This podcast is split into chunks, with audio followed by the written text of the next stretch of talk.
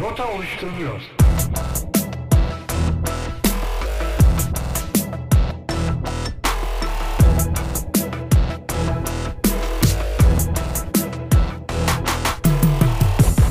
Rota oluşturuluyor. Evet, hepiniz Rota Oluşturuluyor'un yeni bölümüne hoş geldiniz. Uzun bir aradan sonra yeni bir bölüm çekiyoruz çok şükür. Nasılsın Selin? Valla ben çok iyiyim. Ve çok da özlemişim aynı zamanda seninle podcast çekmeyi, diziler hakkında konuşmayı. En son biz birinci dönem çekmiştik ve e, Birinci dönem yeni... değil, geçen sene çektik. Geçen sene çekmiştik ya. Birinci dönem değil. Arkadaşlar çok uzun zaman olmuş. Bakın ben bile en son ne zaman çektik onu hatırlamıyorum. Ama e, şöyle söyleyeyim. Beklemenize değdi diyebileceğim bir bölümle geliyoruz. Çünkü Hemen o dizinin adını söyle. Squid Game. Ay ben var ya sanki yıllardır bu diziyi bekliyormuşum gibi hissettim kendimi izlerken. Hani böyle yıllardır böyle bir dizi çekilsin de ben izleyeyim diye bekliyormuşum. Gerçekten ya gözümdeki Kore dizisi algısını tamamıyla değiştiren bir dizi oldu Squid Game. Ya her şeyden önce çok orijinal yani yapılmamış bir şey yapmışlar bence. Kesinlikle senaryo çok orijinal.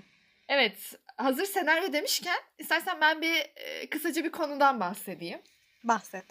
Ee, şimdi izlemeyen yoktur bence tahmin ediyorum ki ama yine de söyleyeyim. Belli başlı başrol karakterlerimiz var. Ee, bunlar hayatlarında paraya sıkıştıkları bir dönemde, maddi güçlükler çektikleri bir dönemde biriyle karşılaşıyorlar. Bu karşılaşmada da bir kart, bu meşhur Squid Game amblemi olan bir kart meydana çıkıyor. Ee, ve önce bu e, kişi bir tokat atma oyunuydu sanırım. Böyle bir kart Evet. oyunu oynuyorlar ve karşılığında tokat atıyor falan. Ve yüklü de bir miktar para veriyor aslında. Ama daha sonra bu telefonla arıyor, oyuna davet çağrıları başlıyor. Ee, bu oyuncular da oyuna katılıyorlar. Fakat şöyle bir nokta var. Ee, oyunun ucunda ölüm olduğunu kimse bilmiyor oyuna katılmadan. Yani öleceklerini bilmiyorlar aslında ve oyuna giriyorlar. Ee, ilk oyun sonucunda hatırlamayan yoktur o meşhur kırmızı ışık, yeşil ışık oyununu. İlk oyunun sonucunda e, ölen kişiler olduktan sonra bazıları diyor ki oyundan çekilelim. Ve bir oylama yapılıyor. Sonucunda da e, oyun iptal ediliyor. Yani herkes normal yaşantısına geri dönüyor. Fakat böyle de bitmiyor. Yine o e, para sıkıntıları, maddi güçlükler devam ediyor ki zaten birçoğunun kumar borcu var. E, oyuna geri dönmek zorunda kalıyorlar. Asıl tabiri caizse dananın kuyruğu bundan sonra kopuyor. Ve e, oyunun sonucunda bir kişi hemen o rakamı söylüyorum 45,6 milyar won para kazanıyor. Şöyle de bir dipnot. Oyuncular öldükçe e, oraya o kutuya paralar ekleniyor. Yani orada para artıyor. Ne kadar çok kişi ölürse orada o kadar çok para e, oluşuyor ve en son o parayı bir kişi alıyor. Ay izle yani söylerken konuşurken bile tüylerim diken diken oldu. Nasıl izlemişim yani. Evet İlke şimdi sen de istersen e, bu başrol oyuncularından bir bahset.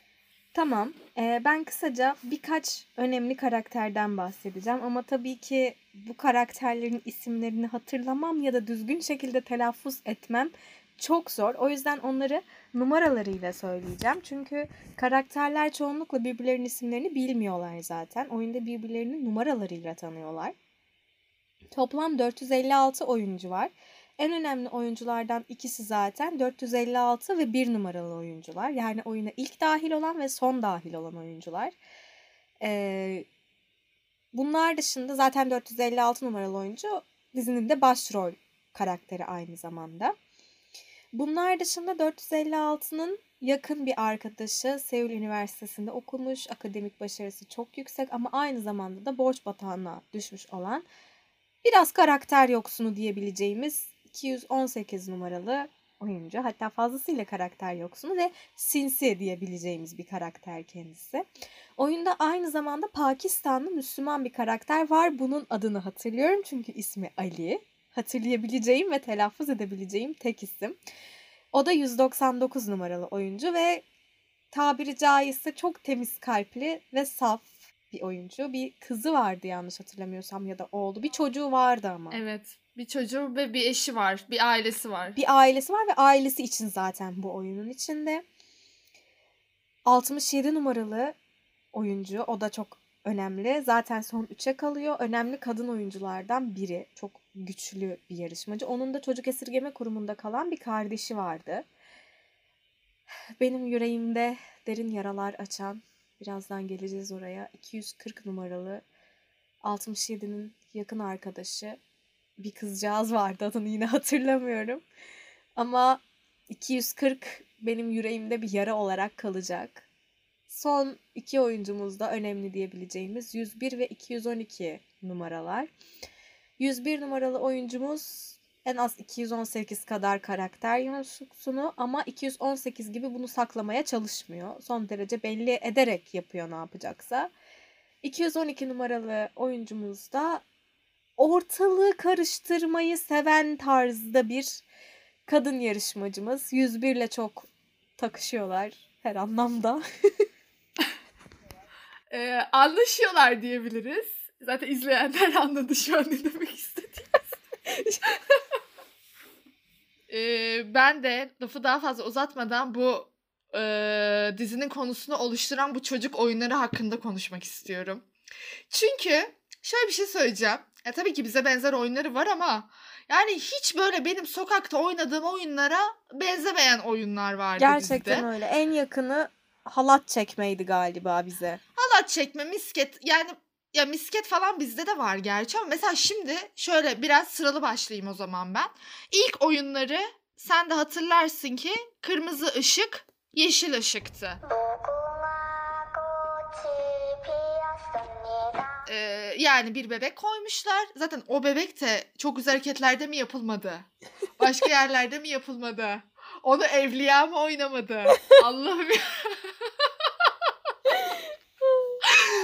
Ay bir şey söyleyeceğim. Ona Erzurum montajı dublajı yapmışlar. Gördün mü? Hayır görmedim. Çekim bitince direkt Erzurum montajına bakacağım. Direkt izle. Direkt izle. Ne, ne şeyler. Ya zaten biz e, ülkece mizahı çok seven bir e, ülke olduğumuz için her şey böyle farklı farklı versiyonlarını çevir, çeviriyoruz. Aynen E, şimdi öyle. Kore versiyonunda Kore versiyonunda da o kız şarkı söylüyor. Sonra birden arkasını dönüyor ve e, hareket eden oyuncular böyle tabiri caizse taranıyor yani orada. Tık tık Evet. tık hepsini böyle tarıyorlar. E, bu bizim biraz körebe mi desem sana? Körebe'ye biraz benziyor gibi ama hiç de bir ben- benziyor evet. benziyor ama yani çok da bir şey yok biliyor musun? Ee, böyle bir benzerlik temelde aynı oluyor ama bir benzerlik de yok aslında. Çünkü bizde ne bir şarkı var ne bir şey var yani. Evet. Gözümüzü kapıyoruz, sayıyoruz. Oradan yakalıyoruz. Ee, şimdi bu oyun e, böyle bir oyun ki bence e, dizinin en can alıcı oyunlarından bir tanesi. Çünkü bu, burada bayağı bir oyuncu elendi. Evet burada 456 oyuncudan 201 oyuncuya mı ne düştüler? Evet. Bayağı eğlendiler. Evet, yarısından, Yarısından fazlası, fazlası bu oyunda gitti. Kesinlikle öyle. Ee, ikinci oyun da şöyle ki e, yanlış hatırlamıyorsam şeker kalıbı. Bir kalıp çıkaracaklar Ha, şeker oradan. kalıbı. Ee, bu oyunda da o kalıbı parçalamadan çıkarmaları gerekiyor. Yani onu kırmadan çıkarmaları gerekiyor ki bu bence şekille alakalı. Uyanık olanlar üçgeni seçtiler. Ee, şanssız olanlar şemsiyeyi seçtiler. Şemsiyeyi seçtiler. 456 numaralı oyuncu da şemsiye seçmişti ama nasıl bir e, efsunlandıysa işte kaderi baştan yazılmış. Onu kırmadan çıkarmayı başardı. Onu da nasıl başardı hiç unutmam o sahneyi. Yaladı. Yalayarak şekeri eritti. Evet. E, ve o şeker kolayca çıktı oradan. E, bazısı da o dediğin o oyuncu var ya hani 212 numaralı kadın oyuncu, uyanık olan oyuncu. Kibrit çöpüyle, o kibrit çöpüydü yanılmıyorsam. Onu yaktı o kalıbı oradan. Tak diye çıktı o kalıp oradan. Direkt o da o şekilde çıkardı. Ee, benim hatırladıklarım bunlardı şeker oyunuyla, şeker kalıbı oyunuyla alakalı. Ee, daha sonra üçüncü oyuna geldik. Halat çekme. Ah bu oyunda var ya izlerken dedim ki tamam gittiler yani. Bu birincinin de yaşlı adamın ve birinci olan oyuncunun da e, olduğu takım dedim tamam şimdi gitti dedim yani. Ama o yaşlı amca zamanında çok oynamış ya bu oyunları çocukken. O oyunları çok oynadığı için dedi ki önce yeniliyormuş gibi yapacağız. Ve Öyle miydi? Tamam. Evet şu an çok net hatırladım geldi aklıma. Önce yeniliyormuş gibi yaptılar. Öne doğru gittiler. Sonra birden geriye doğru abandılar ve o takımı yenmeyi başardılar. Düşürdüler yani. Halat çekme oyunu da bu şekilde e, yine e, bazı kişiler elenerek sonlandı. Böyle takır takır yavaş yavaş sona doğru ge- geliyoruz. Dördüncü oyuna geçtik. Dördüncü oyunda e, birçok e, kişi aşinadır misket oyunu. Bizde de çok yaygın zaten. Küçükken çocukların sokakta oynadığı dönemlerde oynanan bir oyundu. Şimdi artık şeydir herhalde. e, online misket falan böyle şey internetten misket oyunu oyna falan diye aratıyorlardır. E, bu misket oyununda da e, hiç misketi kalmayan kazanıyordu. Birinci yani şey e, oyunu geçiyordu. E, gerçi bu bu şeyin konusu değil ama bahsetmeden geçemeyeceğim. Bu sahnede e, Ali'nin elendiği sahneydi hatırlıyor musun? Oyuna Evet, gelip elendiği Ali. sahneydi. 218'in zaten karakter yoksun olduğunu tahmin ettiğimiz ama çok net bir şekilde tekrar gördüğümüz Ali'nin ölümüne sebep olduğu o sahne. Ali'nin şey misketlerini söyleyeyim küçük mi? çakıl taşlarıyla değiştiriyordu. Değiştirdi ve ben daha e, sahneyi izlemeden anladım öyle bir şey yapacağını. Ama işte bu hayatta Ben iyi anladım. niyetli, bu hayatta iyi niyetli ve saf olmayacaksın. Çocuk saf, iyi niyetli bir çocuktu. İnandı buna. Ah, o vurulduğu sahnede bilmiyorum. Ben bir gözlerim dolmuştu yani bir etkilenmiştim. Bayağı bir etkilenmiştim. Ve hemen bir şeyden daha söz edeceğim. O kankaların şu an ne demek istediğimi anladın. Bir numaralı oyuncu ile 406 numaralı oyuncunun oyununda da o kankaların eee, oyununda ben o adamın vurulduğu sahnede ağlamıştım. Ama gel gör ki salak gibi boş yere ağlamışım. Onun nedenini de birazdan. Zaten anladınız yani izleyenler biliyor. Eee, o sahnede de çok üzülmüştüm ben. İzlemeyen de yoktur herhalde. İzlemeyen de yoktur. O sahnede de çok üzülmüştüm. Yani herhalde boşluğa sıktılar o ateşi. Zaten Yani görmedik. adamı vurduk diye. Direkt ona sıktıklarını zaten görmedik. İşte görmedik gerçekten. Böyle de bir şu an hüzünlendim bir tık arkadaşlar. Son oyuna geçiyorum. Cam köprü oyununa geçeceğim. En önemli oyunlardan bir tanesi. Bu sahnede çok sinirlendim. Ee, bu oyunda daha doğrusu çok sinirlendim. Böyle affedersin parası olup da her şey yapabileceğini zanneden adamlar gelmişler canlı canlı milletin ölmesini izlemeye. Yani hiç mi işin gücün kalmadı? Hiç mi bu hayatta zevk aldığın bir şey kalmadı da gelip insanların ölüşünü izliyorsun? Ya ben farkındayım şu anda böyle şey gibi Seda Sayan gibi oldum saydırmaya başlıyorum ama gerçekten Evet evet fark ettim. gerçekten e, çok sinirlendiğim bir sahneydi ya. Orada insanlar patır patır camlardan aşağı böyle düşüyorlar. Geliyorsun ona bir de para veriyorsun bak. izlemek için de para veriyorsun. O insanların düşüşünü, ölüşünü izliyorsun. Ve hiçbirinin de yüzü görünmüyordu hatırlarsan. Gerçekten yüzlerinde süslü süslü altın rengi, gümüş rengi maskeler. Onların da içinde yine karakter yoksunları ve sapıklar bulunuyordu. Evet. Yani burada da burada da en e, böyle içimin yağların eridiği bir e, sahne o e, 101 ve 212 numaranın birlikte böyle düştüğü sahneydi. O özellikle 101'in ölmesi, elenmesi. Oh dedim şükür ya Rabbi. O kadın onu da 212 aldı kendisiyle giderken. birlikte çekmişti değil mi? Ben ölüyorsam sen de öleceksin. Aynen öyle. Yani şey gibi oldu bu. Ya benimsin ya kara toprağın gibi oldu. Gittiler birlikte. Yalnız benim de içimde böyle farkında mısın? Bir Anadolu bir şey yatıyor yani. bir yerlerde yatıyor Squid uyanıyor Game ile ilgili yorum yapıp ya benimsin ya kara toprağın diyen ilk yorumcusundur herhalde. Arkadaşlar biraz doğallığıma verirsiniz diye düşünüyorum. Burada da 456 numarada yine şans 456 numaradan yanaydı. Son numaraydı ve bütün camlar yani bütün o e, iki iki o cam isimlerini tam hatırlamıyorum. İki hatırlıyorsan söyleyebilirsin. İki cam Hayır, arasındaki fark vardı. O bütün sağlam camlar kalmıştı ve hepsi geçmişti. Yani o e, sona kalan oyuncular geçmişti. E, buradan da son 3 oyuncu hemen numaralarını söylüyorum. 456, 67 ve 218 numaralı oyuncular 218. sona kalmıştı ama Son şöyle kaldılar. aynen son 3'e kaldılar ama şöyle bir detay vardı 67 numara burada bayağı bir yaralanmıştı cam patlamasıyla göbeğine Evet. bir cam Şarap, saplanmıştı. şarapnel diyebilir miyiz ona? Yani bir diyebiliriz. cam parçası saplandı karnına. Aynen Ee, öyle. Bayağı Ama- ağır yaralandı. Kesinlikle ama belli etmedi son ana kadar. Çünkü belli etseydi zaten öldüreceklerdi onu. Ee, son üçü kalmıştı. Ee, oyunları bu şekilde bitirdik. Şimdi sırada ne var derseniz ee, hemen İlke'ye lafı devredeceğim. Sözü devredeceğim. Ee, birkaç diziyle bir benzerliklerini yakaladık biz. Evet. İlke onlar nedir? Hemen. Bir filmle bir de diziyle bence senaryo açısından aslında senaryo Squid Game senaryosu çok eskiden yazılmış bir senaryo ve bekletilmiş bir senaryo. O yüzden esinlenilme ya da çalınma durumu olduğunu düşünmüyorum. Ama e, ben şeyle aşırı bir benzerlik gördüm açlık oyunlarıyla. Çünkü mantık aynı mantık. Oyunu kazanmak için hayatta kalmanız gerekiyor. Geri kalan oyuncular ölsün ki siz hayatta kalın ve ödülü alın. Mantık tamamen aynı mantığa dayanıyor. Sadece daha fazla oyuncu var. Aslında daha kolay oyunlar var baktığın zaman. Açlık oyunları çok daha sert bence oyun anlamında. Ee, bir diğer benzerliği de şuradan ufak yakaladım. Birbirlerinin isimlerini bilmediklerini ve birbirlerine numarayla seslendiklerini daha önce söylemiştim.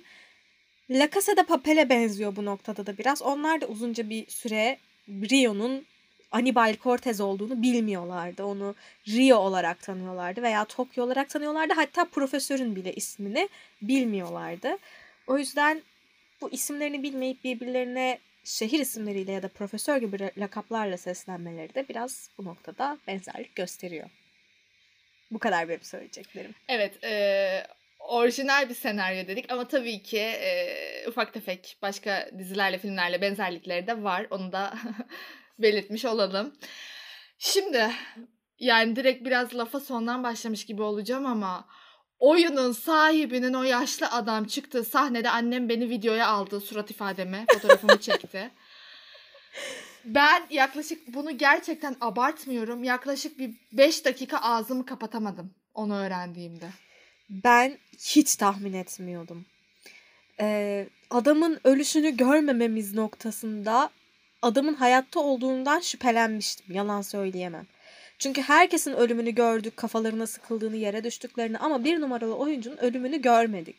Ama bana yani kimse inandıramazdı beni adamın oyunun sahibi olduğuna. Çünkü psikopatlık yani anlatabiliyor muyum? O oyunu kurup o oyunda oynamak ya Acun'un Survivor'da yarışması gibi bir şey bu. Ya ben o adamın altına yaptığı sahnede yemin ediyorum gözlerim doldu. Dedim yaşlı başlı amcasın ne işin var buralarda demiştim içimden.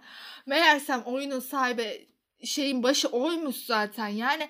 Ama bir şey söyleyeyim mi? Bak orada çok güzel bir detay vardı. O e, kankayla o 406 numarayla 56 numarayla konuşmada hani hastane sahnesi vardı Evet. hatırlarsın. Orada adam diyor ki ben diyor o heyecanı yaşamak istedim diyor. Yani düşünsene o heyecanı yaşamak için oyuna katılıyor ama zaten ölmeyeceğini biliyor. Sen bir de ya sen o heyecanı gel diğer oyuncular gibi yaşasana. Bak bakalım öleceğini bildiğin zaman o oyunlara katılıyor musun? Bak bakalım katılıyor musun Kesinlikle ya? ölmeyeceğinden emin olarak o heyecan yaşanmıyor sevgili bir numara. yani hast bence hastalığı gerçekti Hastalığı ama gerçekti. e, o o beyninde tümör olması falan gerçek ama o yok ben evsizim yok bilmem ne sen koskoca imparatorluk kurmuşsun. Ya bir de bir şey söyleyeyim mi? Böyle şeyler e, gerçekte oluyor ki bence dizilere de konu oluyor. Yani ülkemiz için konuşmuyorum yanlış anlaşılmasın ama yabancı ülkelerde demek ki olan şeyler bunlar ki e, dizilere de konu olmuş Belki de. diye düşünüyorum ben. Belki de. Çünkü çok profesyonel bir şey var yani ada gibi bir yer üstü kapalı yani orada mümkün değil yakalanmazlar bulunmazlar hani çok iyi bir yapılanma var ortada. Evet. Şimdi biraz daha duygusallaşalım mı?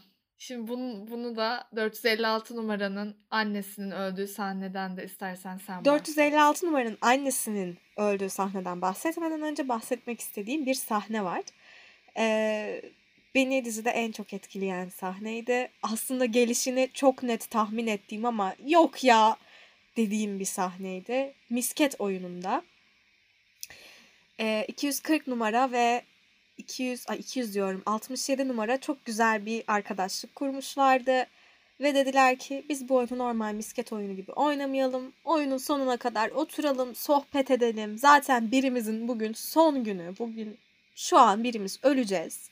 İkimizin de hayatta kalması mümkün değil. Biz başka bir misket oyunu kurarız kafamızda ve son anda onu oynar bitiririz bu işi.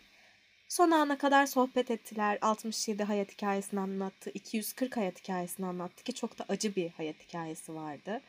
Ee, hapisten zaten yeni çıkmıştı ve çocukluğunun çoğu hapiste geçmişti. O yüzden aslında dış dünyada ne yapacağıyla ilgili de çok bir fikri yoktu 240'ın. Kaybedecek bir şeyim oyunun- yok demişti. Evet. Sürenin sonuna geldiklerinde 67'ye dedi ki hadi elimizdeki misketleri fırlatalım. En uzağa kim fırlatırsa o kazansın. Daha yakında kalan da ölsün. 67'ye ilk hakkı tanıdı. 67 aslında ortalama bir mesafeye fırlattı. Daha uzağa fırlatılabilir miydi? Evet fırlatılabilirdi. Ama 240 bunu yapmayı tercih etmedi ve misketini ayağının dibine bıraktı. Bu sahnenin gelişini anlamıştım ama 240'ı ben o kadar büyük bir karakter olmamasına rağmen çok sevmiştim. Bende vardır o biraz. Yani böyle ana karakterleri değil de yan karakterlere daha çok bağlanırım. 240 da benim için öyle bir karakterdi. Yani ne 67 ne 456 ne 218 ne 1 onun gibi değildi benim için ve o sahnede de ben ağlamıştım Selin. Yani adam e, bir numara sözde öldüğünde ben hala 240'ı aşmaya çalışıyordum kafamın içinde. 240 Ali ve bir numaralı adam o sahnenin ya bu oyun çok şey götürdü Squid Game izleyicilerinden. Çok önemli karakterleri götürdü ben buna inanıyorum. Kesinlikle öyle ve gerçek hayatta göremeyeceğimiz bir fedakarlık örneğiydi bence bu. Bence de. 456 numaranın annesinin ölmesinden bahsetmiştin. Bana da bahset demiştin. Bahsedeyim. 456 numaralı oyuncu bizim şampiyonumuz aslında. 218 ile beraber finale kalıp kazandı. 45,6 milyon won'un milyon değil mi? Mil- milyar. Milyar, Milyar. bir de yani. Milyar won'un sahibi oldu. Fakat evine geri döndü. Aslında 456'nın amacı kızını almaktı. Eşiyle bir boşanma yaşamışlardı ve beş parasız olduğu için kızını alamıyordu.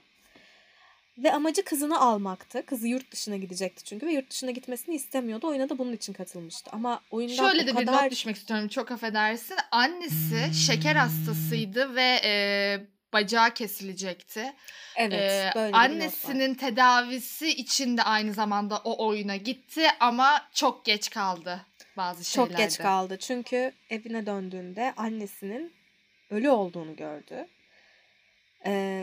Annesini ölü bir şekilde buldu. Yerde yatar bir şekilde buldu ve o 45,6 milyar won'a 12, o dakikadan sonra yani dokunamadı uzun lafın kısası. Evet harcayamadı. Yani o parayı harcayamadı. Ne yaptı? Ee, bence şurayı da çok güzel bağlamışlar. O, o ölen kızın çocuk esirgeme kurumundaki kardeşini e, diğer e, arkadaşının annesine emanet ederek parayı da onlara verdi. E, bence güzel bir bağlama olmuş burası. E, güzel bir noktaya değinmişler. E, Bence de. kendisi de. artık ilerleyen kendisi de saçlarını kırmızıya boyattı. Bir Evet son sahnede. bir, bir tarz değişikliğine gitti. evet Ama bir şey söyleyeyim mi? Öyle bir oyundan çıkıp da sağlam bir psikolojiyle hayatına devam edebilmek zaten çok zor bir şey. çok zor. Hatta imkansız yani. İmkansız yani gerçekten imkansız. Ee, ve de şöyle bir şey daha söyleyeceğim. Polis vardı hatırlıyor musun İlke? Ay hatırlamaz mıyım? Hatırlamaz mısın? İşte Yani dizinin başından sonuna kadar kendisini bir mukabele süzmüş bulunmaktayım. Çok Evet. Bir, yüzüne bir baba bakılır yiğitti. bir insandı kendisi. Aslında bu oyunun e, önemli karakterlerinden de bir tanesiydi oyunun içinde olmamasına rağmen. Evet. E, kardeşi çok yetkili biriydi orada. Ve Bayağı kendisi o şeydi. kardeşinin oyuncu olduğunu düşünüyordu.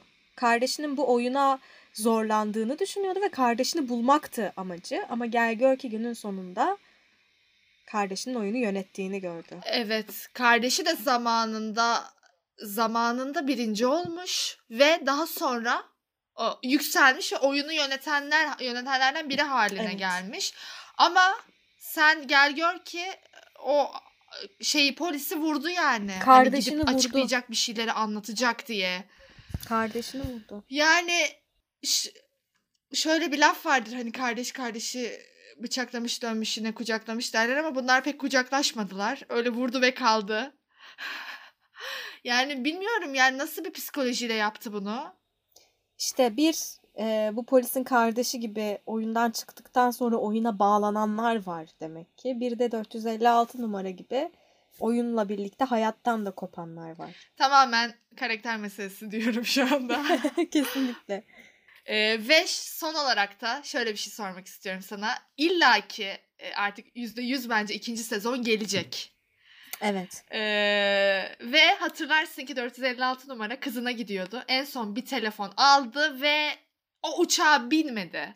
Sence ikinci Biz o telefonda- sezon ne olacak? Ki kişinin ne dediğini duymadık değil mi? Duyduk mu? Ee, duyduk. Yani şöyle e, bu oyun devam ediyor.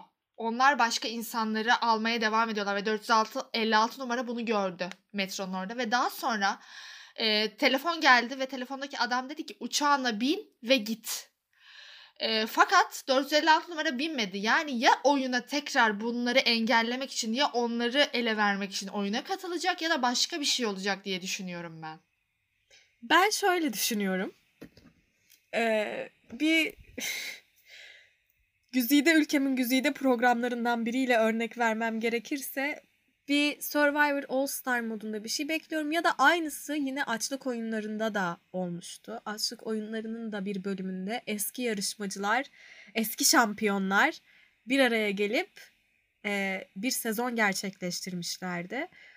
Böyle bir şey bekliyorum. Eski Squid Game kazananları ve 456 numaranın olduğu, herkesin şampiyon olduğu bir Squid Game bekliyorum ben. Bakalım ben merakla ikinci sezonu bekliyorum. Bir an önce gelsin. Lütfen buradan yetkililere sesleniyorum. Duyun sesimi. Ne olur bir an önce çekin ve yayınlayın. Ben bir günde bitirdim diziyi. Bir gün demeyeyim saatler içinde bitirdim. Yani şu ana kadar soluk, en soluksuz izlediğim dizi olabilir benim Squid Game. Ee, ikinci sezonda gelirse böyle artık ne işim varsa bırakıp elimdeki her şeyi başına oturup izleyeceğim yani. Ay zaman yine su gibi geçti farkında mısın? Ben hiç anlamadım nasıl geçti. O zaman şimdilik veda mı ediyoruz? Evet bu bölümümüz Squid Game bölümümüz bu kadardı burada sonlandırıyoruz. Artık gelecek bölüm hangi diziyi veya filmi konuşuruz bilmiyorum ama yine e, çok güzel bir podcast e, olacağından emin olabilirsiniz. Evet, şimdilik görüşmek üzere. Bir sonraki bölümümüzde tekrar karşılaşacağız zaten. Görüşürüz kendinize iyi bakın. Hoşçakalın. Rota oluşturuluyor.